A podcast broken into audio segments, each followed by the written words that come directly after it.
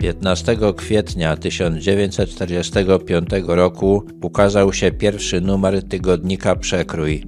Trwała jeszcze wojna, Hitler żył, w Polsce toczyły się walki pomiędzy komunistami a ich przeciwnikami, a w Krakowie przedwojenni dziennikarze zaczęli wydawać pismo zupełnie niepasujące do komunistycznej ideologii.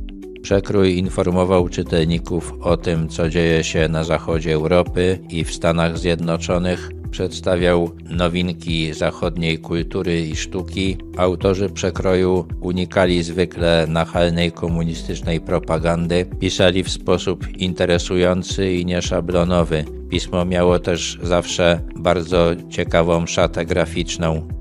Współpracowali z nim wybitni dziennikarze i wybitni plastycy.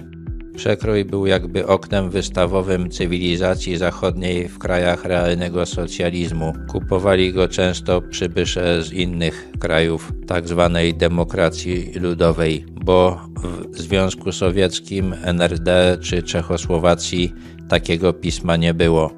W latach 70., w okresie swojego największego rozkwitu, pismo miało nakład 700 tysięcy egzemplarzy. Czy przekrój był formą walki polskiej elity kulturalnej z komunizmem, czy jego redakcja przechytrzyła cenzurę?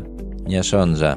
Komuniści wiedzieli, jakim narodem rządzą. Zdawali sobie sprawę, że jest w nim znaczna Część ludzi mocno związanych z kulturą zachodnią, tęskniących do niej, wiedzieli, że prymitywna propaganda nigdy do nich nie dotrze, a pragnienie, by w Polsce było tak jak na Zachodzie, w nich pozostanie i trzeba je zaspokajać w sposób kontrolowany.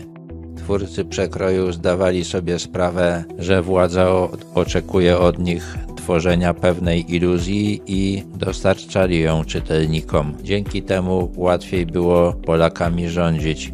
Jesteśmy skłonni zadowalać się namiastkami.